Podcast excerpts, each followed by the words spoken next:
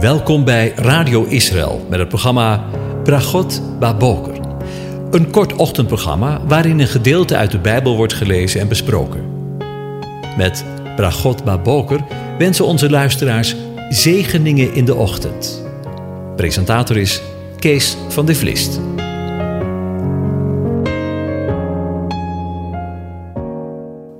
Goedemorgen, luisteraars. We onderbreken deze overdenkingen over de psalmen de komende tijd om na te denken over wat meer dan 2000 jaar geleden heeft plaatsgevonden. Niet precies in december, maar waarschijnlijk in de augustusmaand. En zo blijken er nog veel meer zaken net even anders te liggen dan we in de christelijke traditie denken. We doen dat aan de hand van het boek van Gertrude Bakker, met de titel De Joodse Jezus. We beginnen vandaag met de ondertrouw van Jozef en Maria. De engel Gabriel kondigde de geboorte van Jezus aan. Maria was toen waarschijnlijk pas 14 jaar. Van haar is niet veel meer bekend dan dat ze afstammen van David en maagd was. De Talmud en ook Flavius Josephus beschrijft dat er in de eerste eeuw 82 vrouwen werkten aan een nieuw voorhangsel.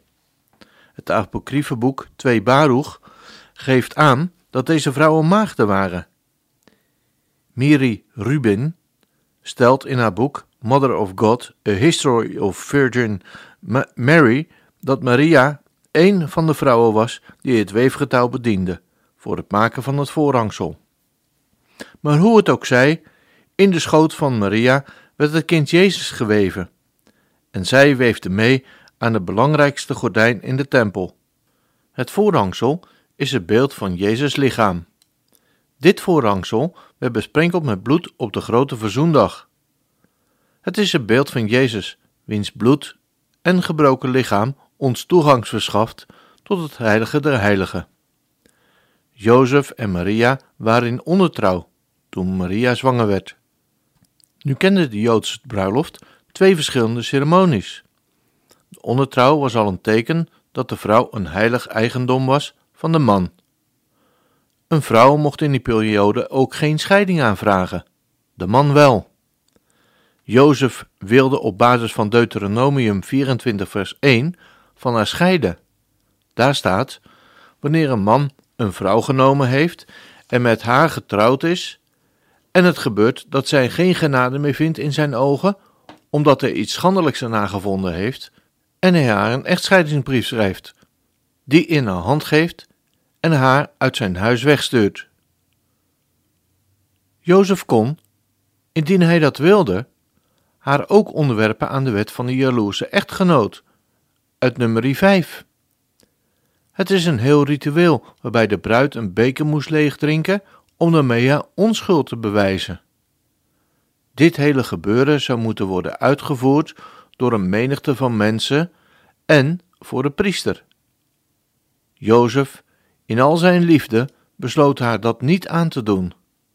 Misschien wilde haar of zijn familie Maria wel stenigen.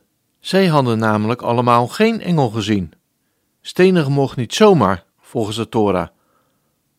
Want daar moesten altijd twee eerlijke getuigen voor gevonden worden. Deze getuigen moesten ook nog eens gezien hebben. Die waren er niet, en dus wilde hij in stilte van haar weggaan om haar niet in opspraak te brengen. Jozef bleek een rechtvaardig mens.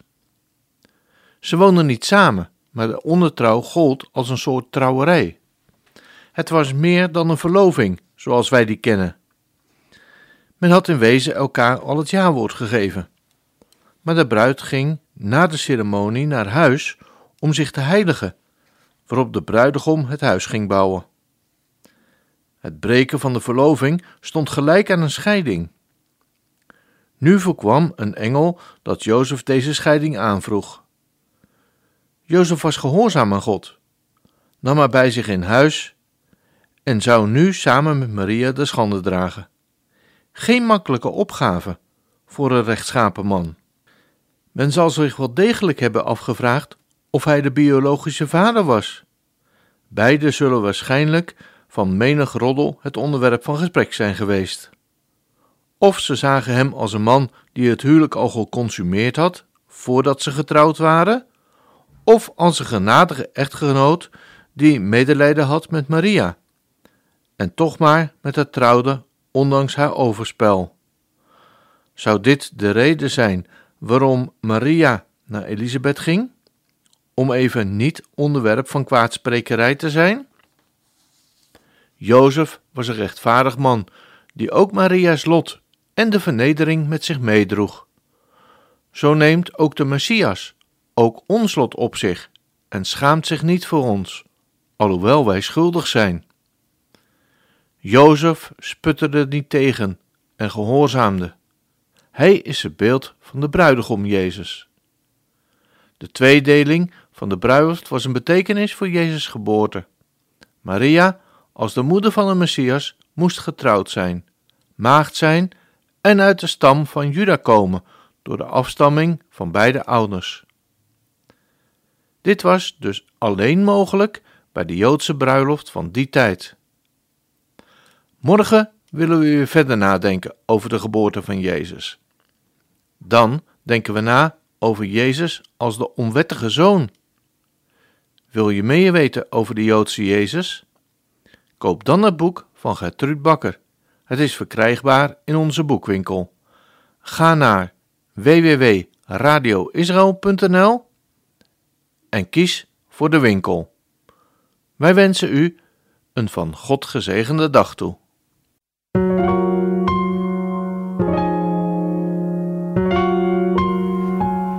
U hebt geluisterd naar het programma Bragot Baboker.